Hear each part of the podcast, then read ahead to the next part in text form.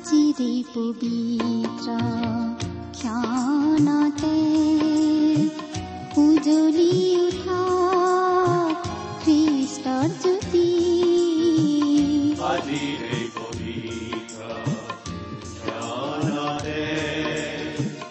উজ্বলি উঠা খ্ৰীষ্টৰ জ্যোতি আকাশ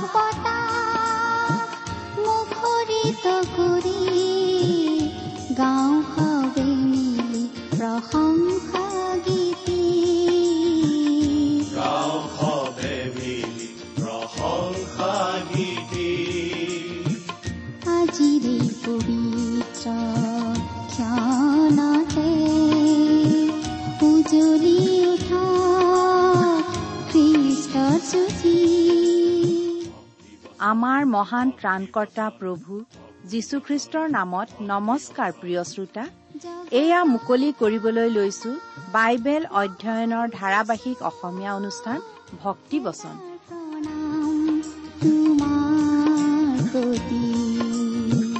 জগতৰ মহান যিছু এটাৰ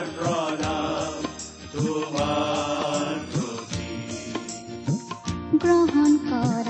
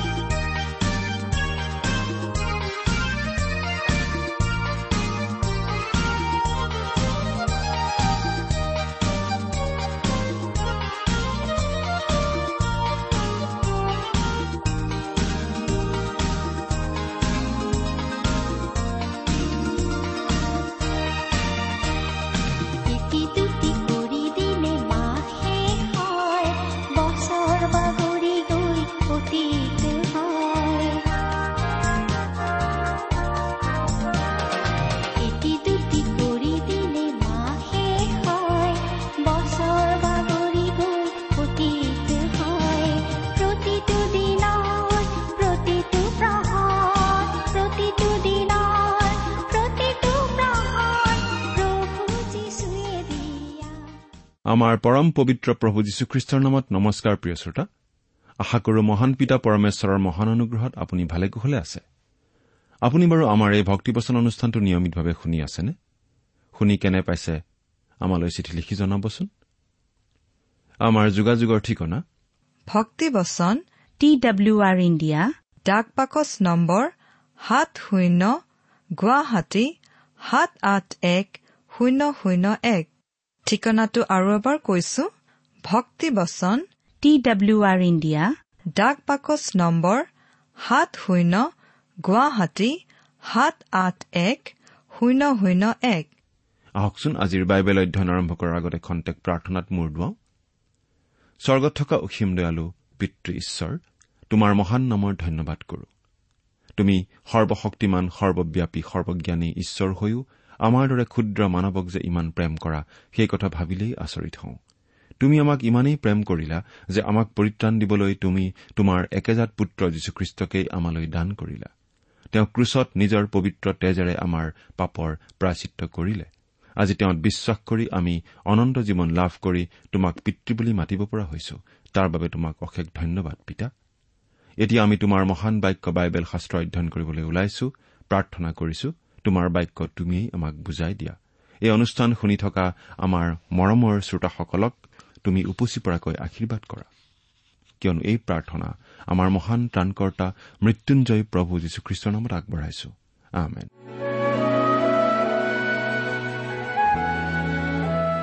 প্ৰিয় শ্ৰোতা আজিৰ অনুষ্ঠানত আমি পুৰণি নিয়মৰ পৰা দানিয়েলৰ পুস্তক নামৰ পুস্তকখন অধ্যয়ন কৰিবলৈ লৈছো। এই দানিয়েলৰ পুস্তকখন বাইবেলৰ ভিতৰতেই এখন অতি আকৰ্ষণীয় পুস্তক। আৰু এই পুস্তকখন হৈছে এখন ভাৱবাণীমূলক পুস্তক।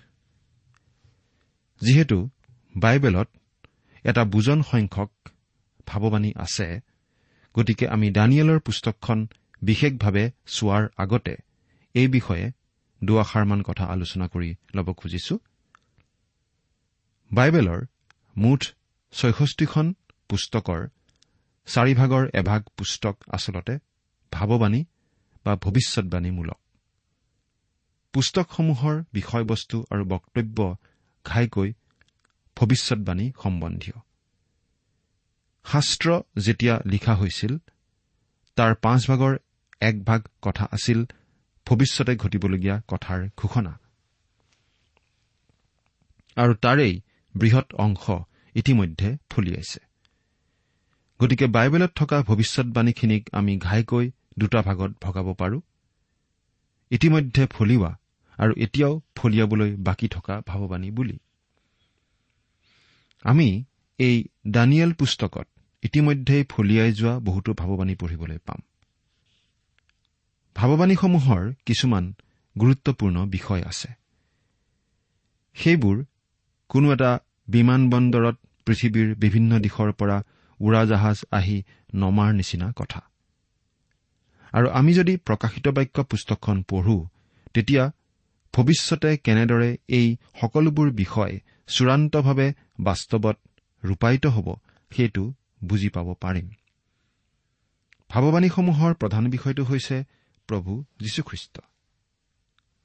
আন আন বিষয়বোৰৰ ভিতৰত ইছৰাইল জাতি আৰু দেশ পৰজাতীয় দেশ আৰু জাতি মন্দতা ছয়তান পাপ পুৰুষ মহাক্লেশৰ সময় আৰু কেনেকৈ এই যুগৰ অৱসান ঘটিব ইত্যাদি বিষয় উল্লেখযোগ্য। খ্ৰীষ্টীয় মণ্ডলীয়ে বাইবেলৰ ভৱিষ্যৎবাণীৰ এটা বিষয় বুলিও নিজক ক'ব পাৰে। কিন্তু পুৰণি নিয়মত খ্ৰীষ্টীয় মণ্ডলীৰ কথা কেতিয়াও উল্লেখ কৰা হোৱা নাই। গতিকে দানিয়েল পুস্তকতো ইয়াৰ একো উল্লেখ আমি নাপাওঁ। তাৰ পাছত অৱশ্যে ঈশ্বৰৰ ৰাজ্য খ্ৰীষ্টৰ এহেজাৰ বছৰীয়া শাসন অনন্তকলীয়া ভৱিষ্যত আদি বিষয়বোৰো আছে। আৰু এইবোৰেই হৈছে ভৱিষ্যৎবাণীৰ মূল গুৰুত্বপূৰ্ণ বিষয়বোৰ। আমি ভাবো যে ভৱিষ্যৎবাণী আৰু ভৱিষ্যতে ঘটিবলগীয়া ঘটনাৰ বিষয়ে বাইবেলত যি লিখা আছে সেই বিষয়ে যাৰ সম্যক জ্ঞান নাই তেওঁ বাইবেলৰ বিষয়ে সম্পূৰ্ণ ছবিখন পোৱাই নাই আৰু তেওঁ বাইবেলৰ ভাল ছাত্ৰ নহয়। ভৱিষ্যৎবাণী সম্বন্ধে অধ্যয়ন কৰাত অৱহেলা কৰাৰ ফলত কিছুমান ক্ষতি হৈছে আৰু তাৰ ফল আমাৰ চকুতো পৰিছে। বহুতো ভুৱা বিশ্বাসৰ জন্ম হৈছে আৰু তেওঁলোক মূল বিষয়ৰ পৰা আঁতৰি গৈছে। ইয়াৰ এটা মূল কাৰণ এইয়ে যে বাইবেলত থকা ভৱিষ্যৎবাণী সম্বন্ধে অধ্যয়ন কৰাৰ অৱহেলা কৰি থকা হৈছে। উদাহৰণস্বৰূপে এগৰাকী বিখ্যাত তাত্বিকে এনেদৰে মন্তব্য কৰিছিল। বাইবেলৰ ভৱিষ্যৎবাণীৰ বিষয়টো শুদ্ধভাৱে আলোচনা কৰিব পৰা নাযায় যদিহে শাস্ত্ৰৰ সকলো ভাৱবাণী পুৰণি আৰু নতুন নিয়মত থকা সকলোখিনি ভৱিষ্যৎবাণীৰ এটা সম্যক ধাৰণা নাথাকে। ভৱিষ্যৎবাণীৰ অধ্যয়নত বিশেষভাৱে মন নিদিয়া ব্যক্তিয়ে এই কামটো কৰিব নোৱাৰে। সেই তাত্বিক পণ্ডিতজনে নিজকে এই কামৰ বাবে অনুপযুক্ত বুলি ভাবিছিল আৰু সেইবাবে শাস্ত্ৰক ভাৱবাণীৰ আধাৰত ব্যাখ্যা কৰাৰ বিভিন্ন পদ্ধতিৰ এটা ইতিহাসমূলক জৰীপ কৰাত তেওঁ মনোনিৱেশ কৰিছিল। সেই তাত্বিক পণ্ডিতজনৰ এই বক্তব্য যথেষ্ট গুৰুত্বপূৰ্ণ আৰু এইটো সঁচা কথা যে আজি খ্ৰীষ্টীয় সমাজৰ বহুতো দলে শাস্ত্ৰত থকা ভাৱবাণী সম্বন্ধে শিক্ষা দিয়াৰ অৰ্হতা অৰ্জন কৰা নাই। তেওঁলোকে এনে কথাৰ গভীৰ অধ্যয়নৰ প্ৰয়োজন নাই বুলিয়েই হয়তো ভাবে। আৰু আন বহুতে কিছুমান ভাৱবাণী পঢ়ে আৰু অতি ৰোমাঞ্চকৰ আৰু একপক্ষীয় ধাৰণা কিছুমানৰ জন্ম দিয়ে। ভৱিষ্যৎবাণী সম্বন্ধে ৰোমাঞ্চকৰ কথা লিখা বহুতো লিখকৰ লিখনিৰ বিষয়বস্তু হৈছে এই দানিয়েল ভাৱবাদীৰ পুস্তকখন। দানিয়েলৰ পুস্তকখন অতি গুৰুত্বপূৰ্ণ আৰু জৰুৰী পুস্তক। গতিকে এই পুস্তকখন যিচয়া ভাৱবাদীৰ পুস্তকখনৰ নিচিনাকৈ ছয়তানৰ তীব্ৰ আক্ৰমণৰ সন্মুখীন হ'ব লগা হৈ আহিছে। সেইবাবেই কোনো কোনোৱে দানিয়েলকেই ভাৱবাদীসকলৰ ভিতৰত প্ৰধান বুলিও ক'ব খোজে। লগতে যিচয়াকো সমানে গুৰুত্বপূৰ্ণ স্থান দিয়ে। শাস্ত্ৰত এই দুয়োখন পুস্তকৰ ভাৱবাণীসমূহ অতি গুৰুত্বপূৰ্ণ আৰু বিৰোধী লোকসকলে এই দুয়োখন পুস্তকৰ ওপৰত যথেষ্ট আক্ৰমণ চলাই আহিছে। বহু বছৰ ধৰি সংৰক্ষণশীল আৰু উদাৰপন্থী পণ্ডিতসকলৰ মাজত এই দানিয়েল পুস্তকখনক লৈ যথেষ্ট মতবিৰোধ চলি আহিছে আৰু এই মতবিৰোধৰ মূল কাৰণটো হৈছে ঘাইকৈ এই পুস্তক লিখা কথাখিনিৰ দিন তাৰিখ আদিক লৈ। তৃতীয় শতিকাৰ এজন ভুৱা বিশ্বাসীয়ে এইবুলি ঘোষণা কৰিছিল যে দানিয়েলৰ পুস্তকখন জাল পুস্তক আৰু এইখন আচলতে এণ্টিয়কাছ এপিফেনিছ আৰু মেকাবিৰ সময়ত লিখা হৈছিল। সেই কথা সঁচা হলে এইখন প্ৰায় এশ সত্তৰ খ্ৰীষ্টপূৰ্ব মানত লিখা হৈছিল। অৰ্থাৎ দানিয়েল এই পৃথিৱীত থকাৰ প্ৰায় চাৰিশ বছৰমানৰ পাছত। কিছুমান সমালোচকে এই মতটোকেই মানি লৈ প্ৰচলন কৰিব খুজিছিল। এই সমালোচকসকলৰ লগতে বৰ্তমান যুগৰ অনাবিশ্বাসীসকলে এই ধাৰণাটো মানি লয় যে অলৌকিক বিষয় বুলি আচলতে একো নাই। যিহেতু ভৱিষ্যতে কি হ'ব সেইটো জনাটো অলৌকিক কথা।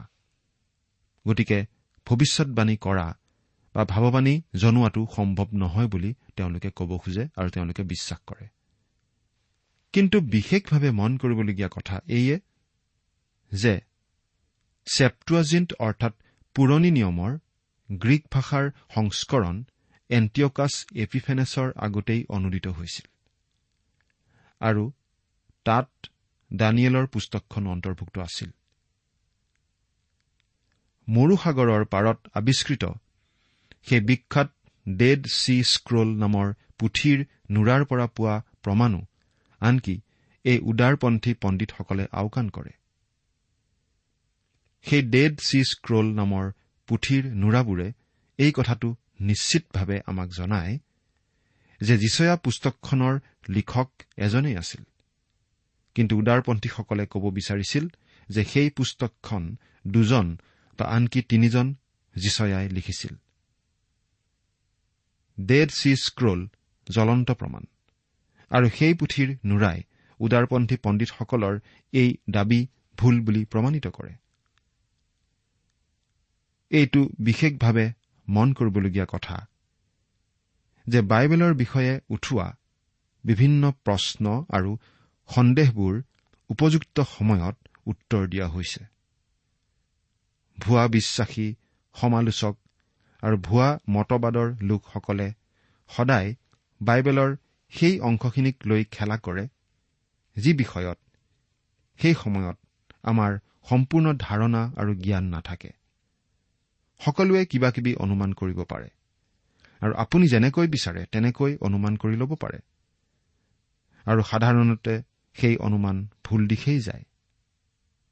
কিন্তু উপযুক্ত সময়ত ঈশ্বৰৰ বাক্যই সঠিক আৰু নিৰ্ভুল বুলি সদায় প্ৰমাণিত হৈ আহিছে।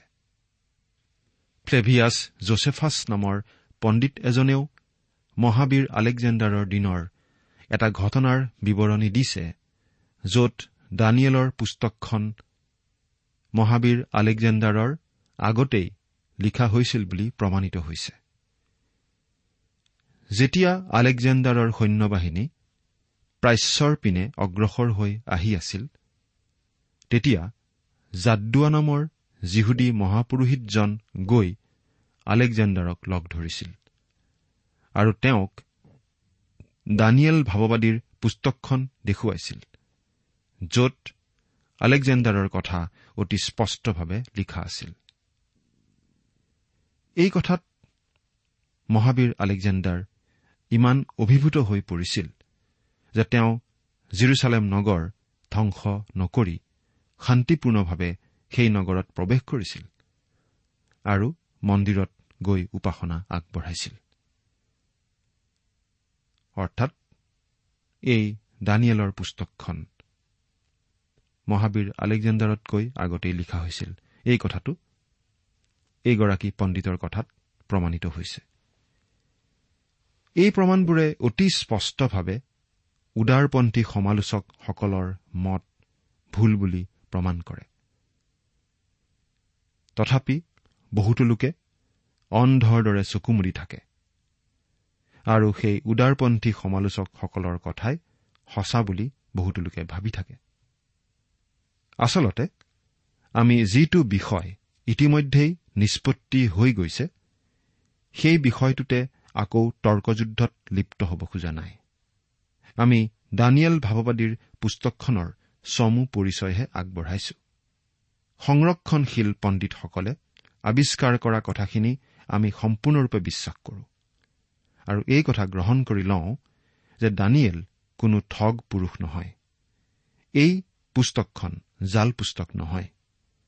এগৰাকী বিখ্যাত পণ্ডিতে এইদৰে কৈছিল আন যিবোৰ কথা কোৱা হৈছে সেইবোৰ অবিশ্বাসৰ ওপৰত প্ৰতিষ্ঠিত। সেইবোৰ শাস্ত্ৰৰ বিৰুদ্ধে যুক্তিহীন ভিত্তিহীন ধাৰণা মাথোন। ছাৰ আইজাক নিউটনে কৈছিল দানিয়েলৰ পুস্তকখন অগ্ৰাহ্য কৰা মানে খ্ৰীষ্টীয় বিশ্বাসকেই অগ্ৰাহ্য কৰা। আকৌ আমাৰ প্ৰভু যীশুখ্ৰীষ্টই ফৰিচীবিলাকক কৈছিল কপটীয়া লোক বুলি। আনহাতে তেওঁ দানিয়েলক এজন ভাৱবাদী বুলি কৈছিল। মাৰ্ক চৌব্বিছ নম্বৰ অধ্যায়ৰ পোন্ধৰ নম্বৰ পদ মাৰ্ক তেৰ নম্বৰ অধ্যায়ৰ চৈধ্য নম্বৰ পদ আদি আপুনি চাব পাৰে। আমি প্ৰভু যীশুৰ পক্ষতহে আছো কাৰণ তেওঁ মত সলনি নকৰে। প্ৰভু যীশুৱে জনোৱা অনুমোদনেই প্ৰতিজন খ্ৰীষ্টীয় বিশ্বাসীৰ বাবে গ্ৰহণযোগ্য আৰু যথেষ্ট। লাগিলে তেওঁ সমালোচকসকলে আগবঢ়োৱা যুক্তি পঢ়কেই বা নপঢ়ক। আৰু প্ৰভু যীশুৱে কোৱা কথাখিনিয়ে নিষ্ঠাবান সাধুসকলক সন্তুষ্ট কৰে। লাগিলে তেওঁলোকে সংৰক্ষণশীল লোকসকলে আগবঢ়োৱা যুক্তিবোৰ পঢ়কেই বা নপঢ়ক।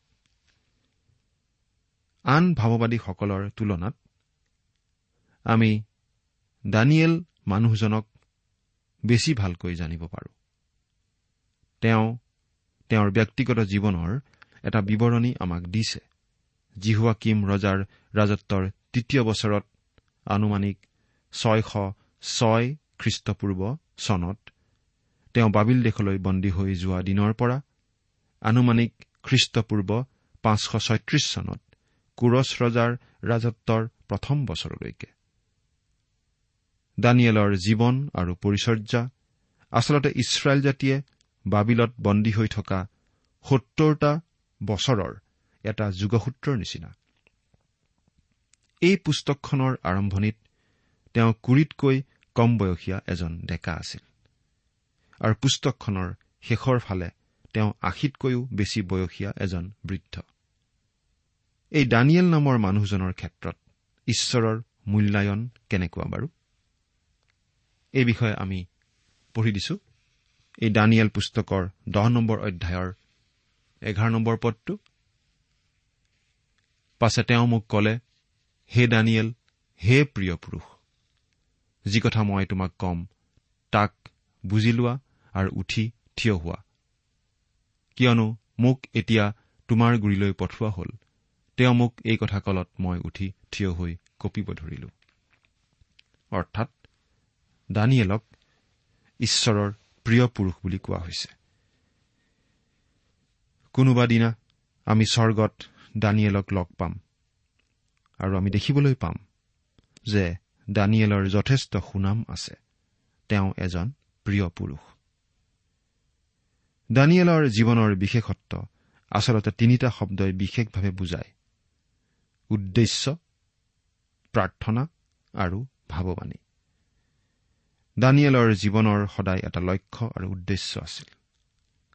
যেতিয়া ৰজাই ঘোষণা কৰিলে যে সকলোৱে একে খাদ্য খাব লাগিব তেতিয়া দানিয়েল আৰু তেওঁৰ বন্ধুকেইজনে সিদ্ধান্ত ললে যে তেওঁলোকে মুচিৰ বিধান মানি চলিব আৰু ৰজাই কোৱাৰ দৰে তেনেকুৱা খাদ্য নাখাব।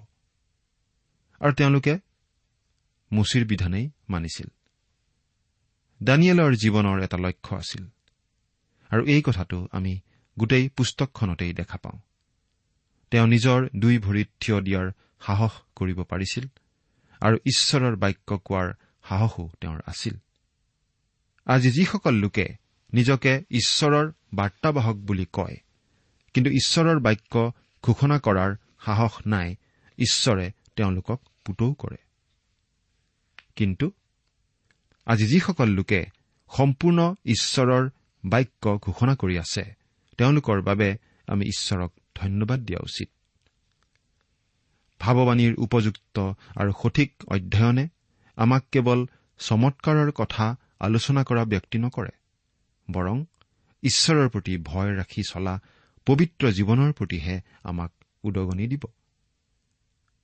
পাচনি জোহনে এইবুলি লিখিছিল প্ৰথম জোহন তিনি নম্বৰ অধ্যায়ৰ তিনি নম্বৰ পদত পাঠ কৰি দিছো।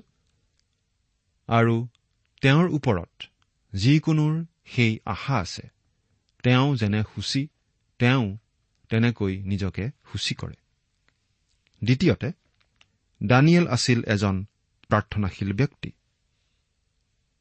এই পুস্তকখনত দানিয়েলৰ প্ৰাৰ্থনাশীল জীৱনৰ প্ৰমাণ থকা কেইবাটাও ঘটনাৰ উল্লেখ আছে। অৱশ্যে এই কথা মন কৰা উচিত যে প্ৰাৰ্থনাই আচলতে দানিয়েলক সিংহৰ গঁড়াললৈ নিছিল। অৰ্থাৎ তেওঁ নিয়মিতভাৱে প্ৰাৰ্থনা কৰাৰ বাবেই তেনে ভয়ানক শাস্তিৰ সন্মুখীন হ'ব লগা হৈছিল। কিন্তু ঈশ্বৰে অতি অলৌকিকভাৱে তেওঁক সিংহৰ হাতৰ পৰাও ৰক্ষা কৰিছিল। তৃতীয়তে দানিয়েল আছিল এজন ভাৱবাদী। দানিয়েল পুস্তকখন আচলতে সমানে দুভাগত বিভক্ত কৰিব পাৰি। প্ৰথম ভাগটো হৈছে ইতিহাস আৰু দ্বিতীয় ভাগটো হৈছে ভাৱবাণী দানিয়েলে আমাক আচলতে ভাৱবাণীৰ জকাটো দি দিছে আৰু তাতেই আন সকলোবোৰ ভাৱবাণী খাপ খাই খাই পৰে। বাবিলৰ নবুখদ নেচৰ ৰজাই সপোনত দেখা মূৰ্তি আৰু জন্তু হৈছে ভাৱবাণীৰ ৰাজহাৰ স্বৰূপ। আৰু সত্তৰ সপ্তাহৰ কথাখিনি হৈছে ঠিকে ঠিকে খাপ খাই পৰা কামিহাৰৰ নিচিনা। দানিয়েল পুস্তকৰ মূল পদটো হৈছে দুই নম্বৰ অধ্যায়ৰ চৌৰাল্লিছ নম্বৰ পদটো। আমি পাঠ কৰি দিম। ইয়াত এনেদৰে লিখা আছে আৰু সেই ৰজাবিলাকৰ কালত স্বৰ্গৰ ঈশ্বৰে এক ৰাজ্য স্থাপন কৰিব সেয়ে কেতিয়াও বিনষ্ট নহব আৰু সেই ৰাজ্যৰ ভাৰ আন জাতিৰ হাতত দিয়া নহব কিন্তু সেয়ে সেই আটাই ৰাজ্য ভাঙি সংহাৰ কৰি নিজে চিৰকাললৈকে থাকিব। এজন বিখ্যাত বাইবেল পণ্ডিতে দানিয়েলৰ পুস্তকখনৰ মূল বিষয়ৰ এনেদৰে নামকৰণ কৰিছিল। জগতৰ শাসন ব্যৱস্থাত ঈশ্বৰে অনবৰতে চলোৱা শাসন। ঈশ্বৰ যে সাৰ্বভৌম আৰু সকলোৰে ওপৰত তেওঁৰ নিয়ন্ত্ৰণ চলাব পাৰে এই পুস্তকখন তাৰেই প্ৰকাশ। ইয়াত ভৱিষ্যৎবাণী ইতিহাসৰ সৈতে এনেদৰে সাঙুৰি দিয়া হৈছে যাতে ঈশ্বৰে অনাজিহুদী লোকৰ মাজত চলি থকা প্ৰতিমা পূজা ঈশ্বৰ নিন্দা আত্মকেন্দ্ৰিকতা আৰু অসহনশীলতা আদি অগ্ৰাহ্য কৰা কথাটো প্ৰকাশ পাই উঠে। বিশেষভাৱে দানিয়েল বাৰ নম্বৰ অধ্যায়ৰ চাৰি নম্বৰ পদটোৱে ভৱিষ্যতে আহিবলগীয়া মহাক্লেশৰ সময়ছোৱাত ইছৰাইল জাতিৰ বাবে পৰজাতীয় লোকৰ সময় আৰু শেষকালৰ সময় একলগ কৰিছে। আহিবলগীয়া এই সন্ধিক্ষণতেই আহি পৰিব প্ৰভু যীশুৱে এই জগতত স্থাপন কৰিবলগীয়া এহেজাৰ বছৰীয়া ৰাজত্ব। আমি এই দানিয়েল পুস্তকৰ বাৰ নম্বৰ অধ্যায়ৰ চাৰি নম্বৰ পদটো পাঠ কৰি দিম। ইয়াত আমি এনেদৰে পাওঁ কিন্তু হে দানিয়েল তুমি শেষ কাললৈকে এই বাক্যবোৰ বন্ধ কৰি ৰাখা আৰু এই পুস্তক মোহৰ মাৰা। অনেকে ইফালে সিফালে লৰ ধৰিব আৰু জ্ঞান বৃদ্ধি হ'ব। ভৱিষ্যৎবাণীৰ বাহিৰেও দানিয়েলৰ পুস্তকখনে আমাক ৰাজনৈতিক কথা কিছুমান জনায় যিবোৰৰ ফল আমি আজিৰ জগততো দেখি আছো। তেওঁ এই প্ৰশ্নটোৰ উত্তৰ দিছে কোনে এই পৃথিৱী শাসন কৰিব? জগতখনক কেনেকৈ জয় কৰিব পাৰি তাৰ উত্তৰ তেওঁ দিয়া নাই। আন আন শাস্ত্ৰাংশ বুজিবলৈ এই দানিয়েলৰ পুস্তকখন এটা চাবিকাঠিৰ নিচিনা। জৈতুন পৰ্বতৰ ওপৰত প্ৰভু যীশুৱে দিয়া উপদেশত কেৱল এই দানিয়েলৰ পুস্তকৰ পৰাই উদ্ধৃতি দিছিল। দানিয়েলৰ পুস্তকখন বাদ দিলে প্ৰকাশিত বাক্য পুস্তকখন বুজাই টান হৈ পৰিব। পাচনি পৌলে দ্বিতীয় থিচলনিকীয়া দুই নম্বৰ অধ্যায়ৰ তিনি নম্বৰ পদত এনেদৰে লিখিছে তোমালোকক কোনোৰূপে ভুলাবলৈ কাকো নিদিবা। কিয়নো আগেয়ে সেই ধৰ্ম পৰিত্যাগ উপস্থিত হ'ব আৰু বিনাশৰ পুত্ৰ সেই পাপ পুৰুষ প্ৰকাশিত হ'ব। এই পাপ পুৰুষৰ কথাটো ভালদৰে বুজি পাবলৈও আমি এই দানিয়েলৰ পুস্তকখন ভালদৰে পঢ়িবই লাগিব। প্ৰিয় শ্ৰোতা ঈশ্বৰে বিভিন্ন ধৰণে ভৱিষ্যতে ঘটিবলগীয়া ঘটনাৰ কথা জনাই দিছে। আৰু দানিয়েলৰ পুস্তকখন তাৰেই এটা ভাগ। কিন্তু ভৱিষ্যতে যি ঘটিব সেই কথা আমি জনাৰ পিছতো তাৰ বাবে যদি সাৱধান নহওঁ তেনেহলে কি লাভ? প্ৰভু যীশুক ত্ৰাণকৰ্তা বুলি গ্ৰহণ কৰি ভৱিষ্যত জীৱনৰ নিৰাপত্তা আমি এই জীৱনতেই লাভ কৰিব পাৰো। এই কথাবোৰ আপুনি চিন্তা কৰি চাইছেনে? ঈশ্বৰে আপোনাক আশীৰ্বাদ কৰক।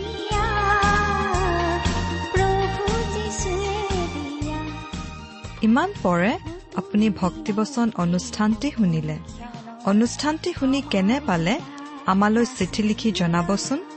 অনুষ্ঠানত প্ৰচাৰ কৰা কোনো কথা বুজিব লগা থাকিলেও আমালৈ লিখক। আমাৰ ঠিকনা ভক্তিবচন টি ডাব্লিউ আৰ ইণ্ডিয়া ডাক পাকচ নম্বৰ সাত শূন্য গুৱাহাটী সাত আঠ এক শূন্য শূন্য এক। ঠিকনাটো আৰু এবাৰ কৈছো ভক্তিবচন টি ডাব্লিউ আৰ ইণ্ডিয়া ডাক পাকচ নম্বৰ সাত শূন্য গুৱাহাটী সাত আঠ এক শূন্য শূন্য এক। আপুনি ইমেইল যোগেৰেও আমাৰ সৈতে যোগাযোগ কৰিব পাৰে। আমাৰ ইমেইল আইডিটো হৈছে Assamese T TV at radio' eight eight two dot com. আইডিটো আকৌ এবাৰ কৈছো। Assamese T TV at radio' eight eight two dot com. আপুনি টেলিফোনৰ মাধ্যমেৰেও আমাক যোগাযোগ কৰিব পাৰে। আমাৰ টেলিফোন নম্বৰটো হৈছে শূন্য তিনি ছয় এক দুই ছয় শূন্য চাৰি ছয় সাত এক। ফোন নম্বৰটো আকৌ এবাৰ কৈছো zero' three six one two six zero' four six seven one. আজিৰ অনুষ্ঠানটি ইমানতে সামৰিছো। ঈশ্বৰৰ শান্তি আৰু অনুগ্ৰহ আপোনাৰ লগত থাকক। ধন্যবাদ।